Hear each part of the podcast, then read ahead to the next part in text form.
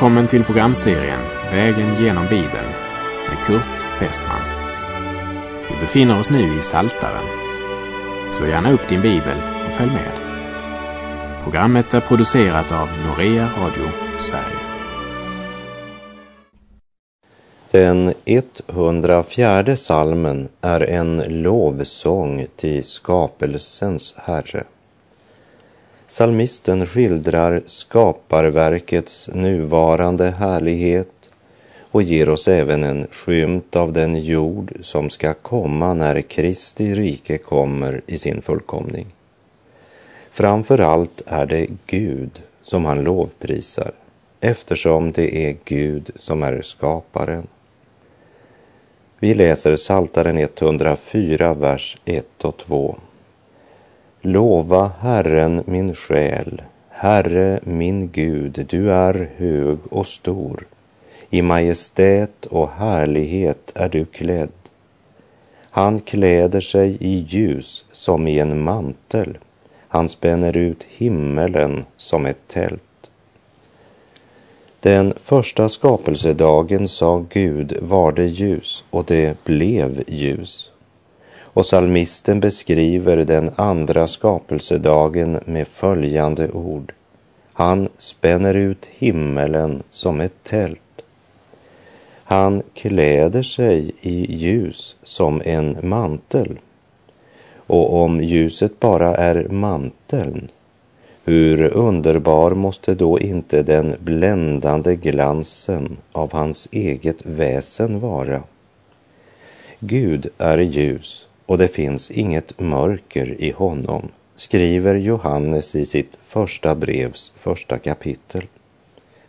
Och i Saltarsalmen 104, vers 3 så utbrister salmisten Han timrar på vattnen sina salar. Molnen gör han till sin vagn. Han far på vindens vingar. På den andra skapelsedagen sa Gud, var det mitt i vattnet ett fäste som skiljer vatten från vatten. Och här i psalm 104, vers 4 står det, han gör vindar till sina sändebud, eldslågor till sina tjänare. Gud kan göra vinden till sitt sändebud och han kan låta eldslågan vara sin tjänare. Men den 104 salmens fjärde vers kan också tala om änglarna som Guds vindar och om Guds tjänare som eldslågor, som budbärare för den himmelska flamman.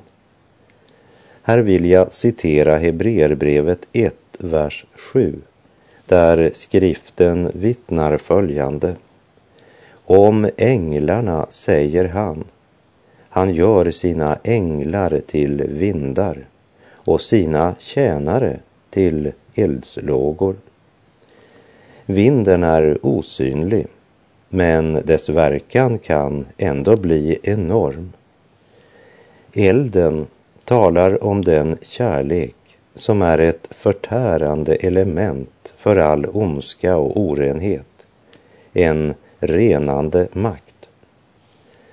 Profeten Jesaja kapitel 6 och vers 6 säger Men en av seraferna flög fram till mig och han hade i sin hand ett glödande kol som han med en tång hade tagit på altaret. Och han rörde med det vid min mun. Därefter sade han, se, då nu detta har rört vid dina läppar har din missgärning blivit tagen ifrån dig och din synd är försonad. Denna renande glöd var tagen på Guds altare. Gud gör både eldslågan till sin tjänare och han gör sina tjänare till eldslågor när de i ande och kraft förkunnar Guds budskap kompromisslöst i samsvar med Guds eget ord. Vi läser Saltaren 104, verserna 5 och 6. Han grundade jorden på dess fästen så att den inte vacklar till evig tid. Med djupet täckte du den som med en klädnad upp över bergen stod vattnen. På den tredje skapelsedagen sa Gud, må det vatten som är under himlen samla sig till en särskild plats så det torra blir synligt. Och det skedde så, säger Första Mosebok 1.9. Vi läser verserna 7 till och med 9. När du tillrättavisade dem flydde de, för ljudet av ditt dunder tog de hastigt till flykten. Berg höjde sig och dalar sänkte sig på den plats som du hade bestämt för dem. En gräns satte du som vattnen inte fick överskrida. Aldrig mer kommer det att övertäcka jorden. Den fjärde skapelsedagen insätter Gud solen och månen i sina av Gud fastställda banor för att lysa över den jord som var öde, tom och full av mörker och för att markera tiden, dagar, månader och år. Gud befallde, var det på himmelens fäste ljus som skiljer dagen från natten och må det vara till tecken och till att utmärka särskilda tider, dagar och år. Och må det vara på himmelens fäste till ljus som lyser över jorden. Och det skedde så. Som det står i Första Mosebok 1, vers 14 och 15. Vi läser vidare Saltaren 104, vers 19. Du gjorde månen till att bestämma tiderna. Solen vet stunden då den skall gå ner. Som hebreerna blivit vana att beräkna sina månader efter månen, så reglerar månen tiden för deras religiösa högtider och deras politiska festdagar. Och månen nämns först eftersom det judiska dygnet börjar med natten. Mörkret är inte skapat, det är däremot ljuset. Och när ljuset drar sig tillbaka inträder mörkret. Solens uppgång och nedgång är inte tillfällig. Guds suveräna vilja styr solens och månens banor med en precision som är så stor att man mycket lång tid i förväg kan förutsäga till exempel en solförmörkelse. Men vad var det Gud skapade den femte skapelsedagen?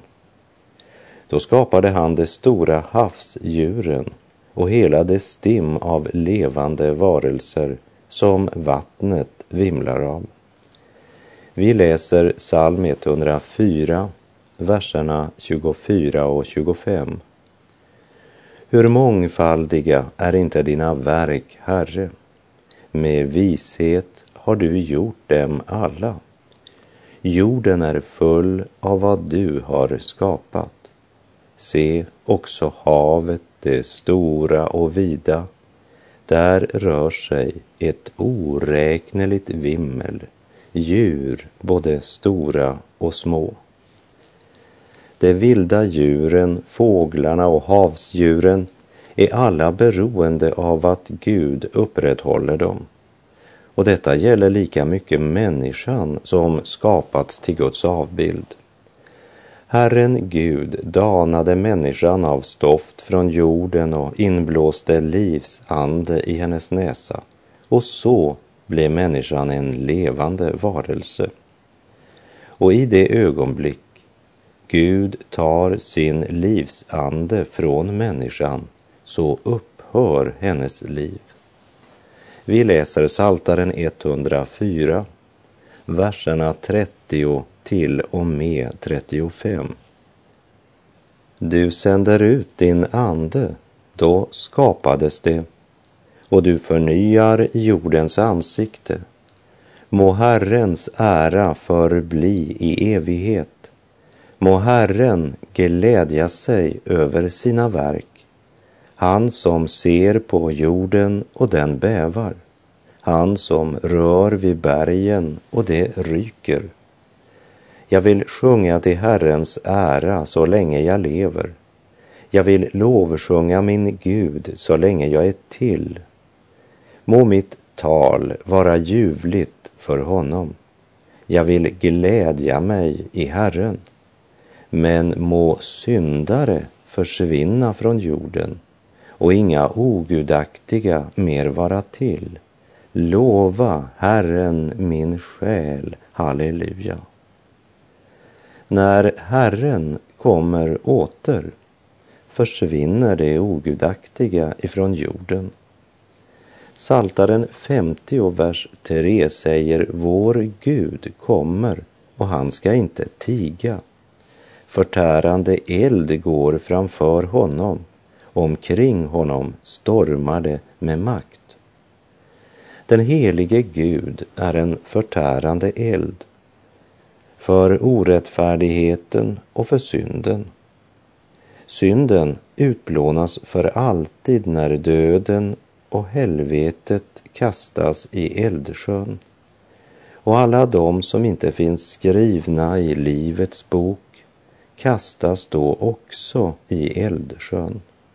Då försvinner det ogudaktiga från jorden. Allt det då handlar om, det är Jesus. Och Johannes, han uttrycker det så här i sitt första brev, kapitel 5, vers 12 och 13. Den som har sonen har livet. Den som inte har Guds son har inte livet. Detta skriver jag till er för att ni ska veta att ni har evigt liv, ni som tror på Guds sons namn.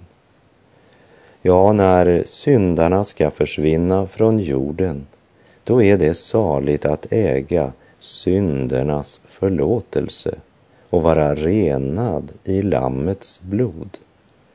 Jag vill glädja mig i Herren, inte i något annat.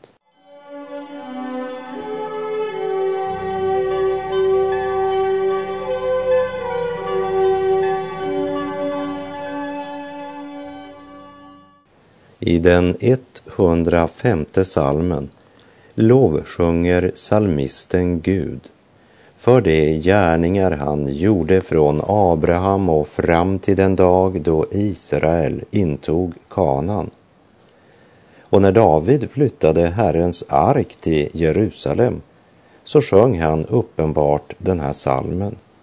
Och vi återfinner hela den första delen av psalm 105 i Första krönikebok 16, verserna 8 till 22. Och den är något av en nationalsalm med sin starka påminnelse om Israels tidiga historia och Guds eviga löften till Abrahams efterkommande. Vi läser psalm 105, verserna 1 till och med 6. Tacka Herren, åkalla hans namn, gör hans gärningar kända bland folken. Sjung till hans ära, lovprisa honom, tala om alla hans under, prisa hans heliga namn. Må det som söker Herren glädja sig av hjärtat.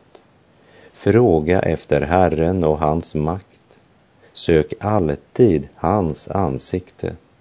Tänk på det underbara verk han har gjort, på hans under och hans muns domar. Ni Abrahams, hans tjänares barn, ni Jakobs söner, hans utvalda. Han påminner om löftet Gud gav till Abraham och det förbund som han slöt med Abraham, Isak och Jakob. Och så fortsätter han med Josef och hur Jakob och hans söner kom till Egypten och blev gäster i Hams land. Vidare hur egyptierna plågade Israels barn och hur Gud sände Mose. Och han talar vidare om hur plågorna drabbade Egypten när farao inte ville låta Israels barn resa ut. Helt tills Egypten fick känna Guds mäktiga hand när Gud ingrep till förlossning för sitt folk. Och Saltaren 105, vers 38 säger Egyptierna gladde sig när de drog ut, ty förskräck förskräckelse för Israel hade fallit över dem. Egyptierna gladde sig när Israel drog ut. Ja, det ska vara säkert.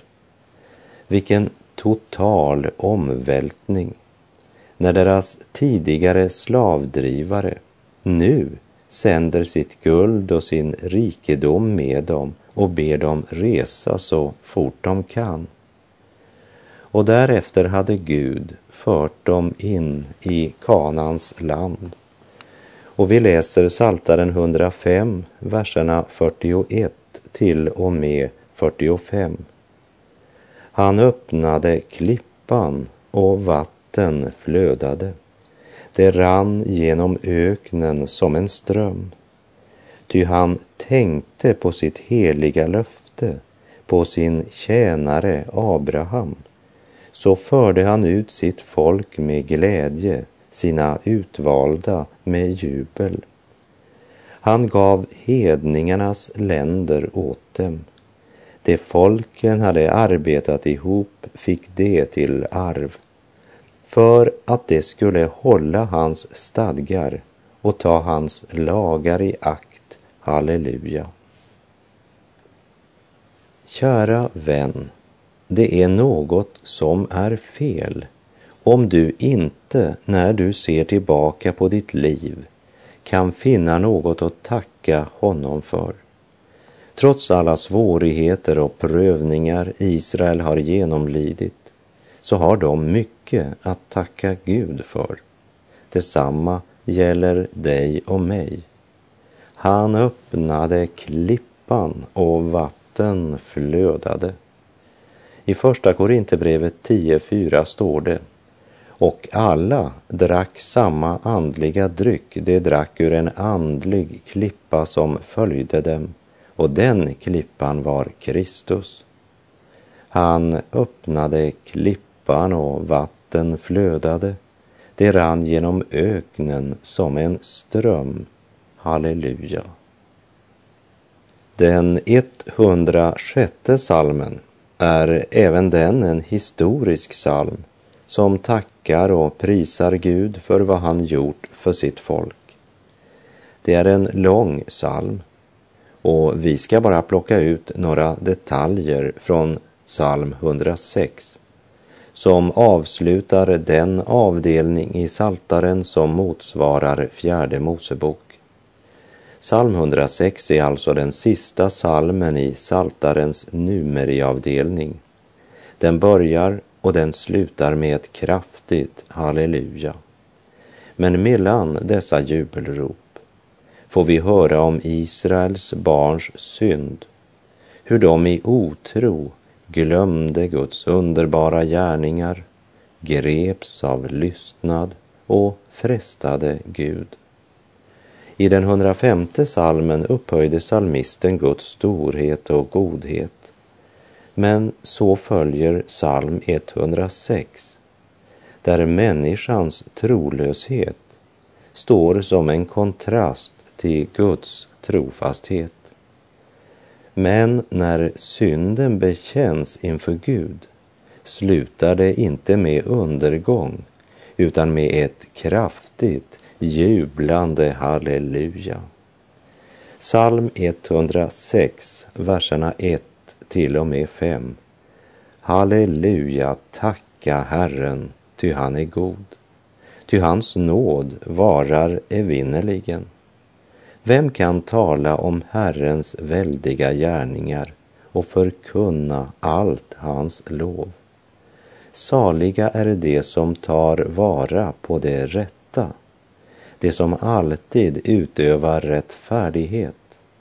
Tänk på mig, Herre, efter din nåd mot ditt folk och kom till mig med din frälsning så att jag får se dina utvaldas lycka, glädja mig med ditt folks glädje, jubla med din arvedel. Även den här salmen talar om syndabekännelse. Salmisten är klart medveten om människans fördärv och ogudaktighet och trolöshet. Men just därför är han så jublande glad över att det finns en som är god, nämligen Gud. Det finns en som är helig, ren, obesmittad av synden, full av nåd och sanning, kärleksfull och barmhärtig.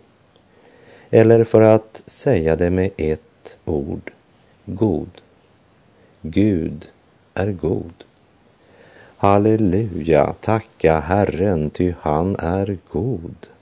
Hans nåd varar evigt. Salmisten är medveten om att han och hans folk hade fått nåd. Men trots all nåd man hade fått så var man fortfarande i behov av ännu mera nåd. Och då ropar han halleluja när han tänker på att Guds nåd varar evinnerligen. Och därefter bekänner han i vers 6.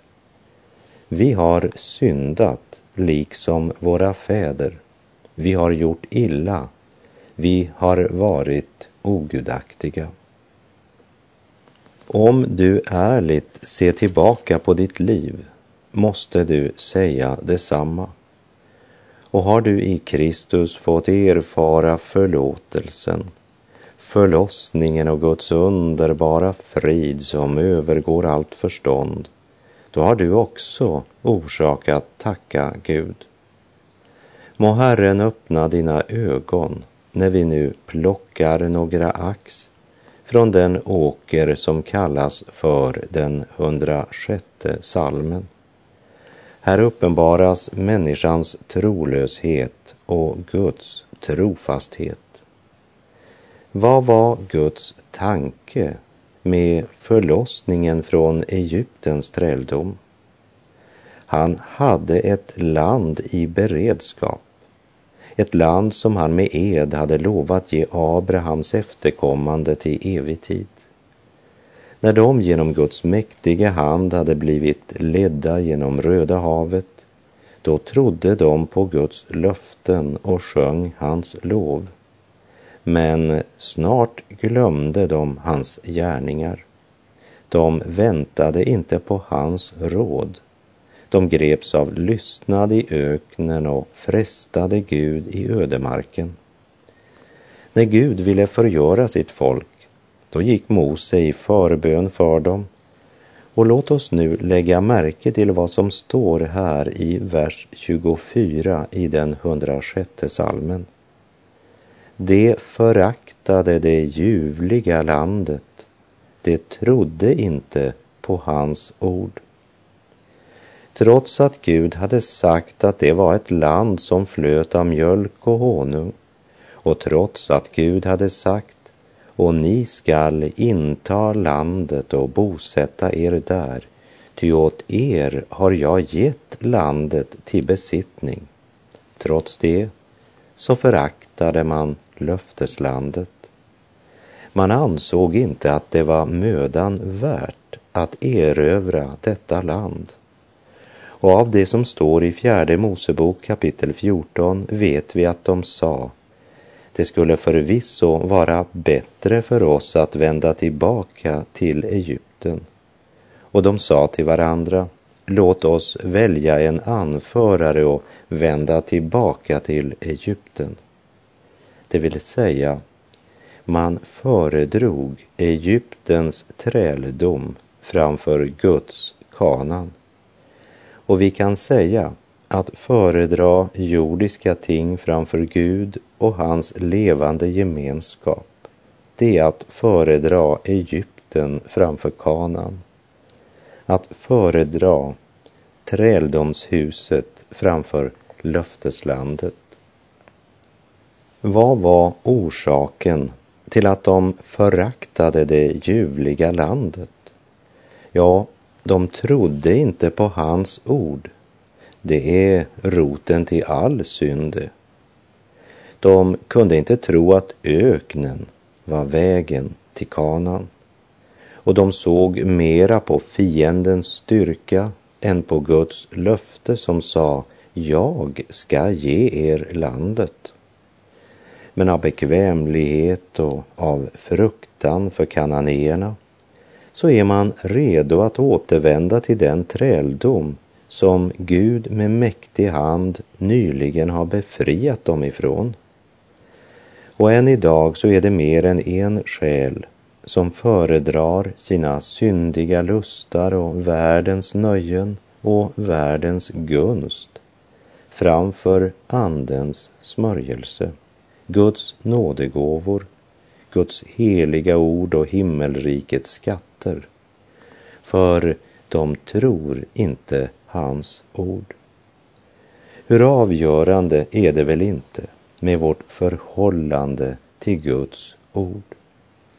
Vi läser Saltaren 106, verserna 43 till och med 48.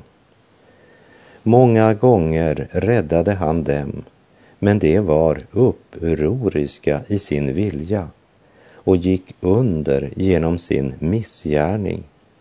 Men han såg till dem i deras nöd och hörde deras rop. Han tänkte på sitt förbund med dem och kände medlidande med dem efter sin stora nåd. Han lät dem finna barmhärtighet inför alla dem som hade fört dem i fångenskap. Fräls oss, Herre vår Gud, och församla oss från hedningarna så att vi får prisa ditt heliga namn och sätta vår ära i att lovsjunga dig. Lovad vare Herren, Israels Gud, från evighet till evighet. Och folket säger Amen, halleluja.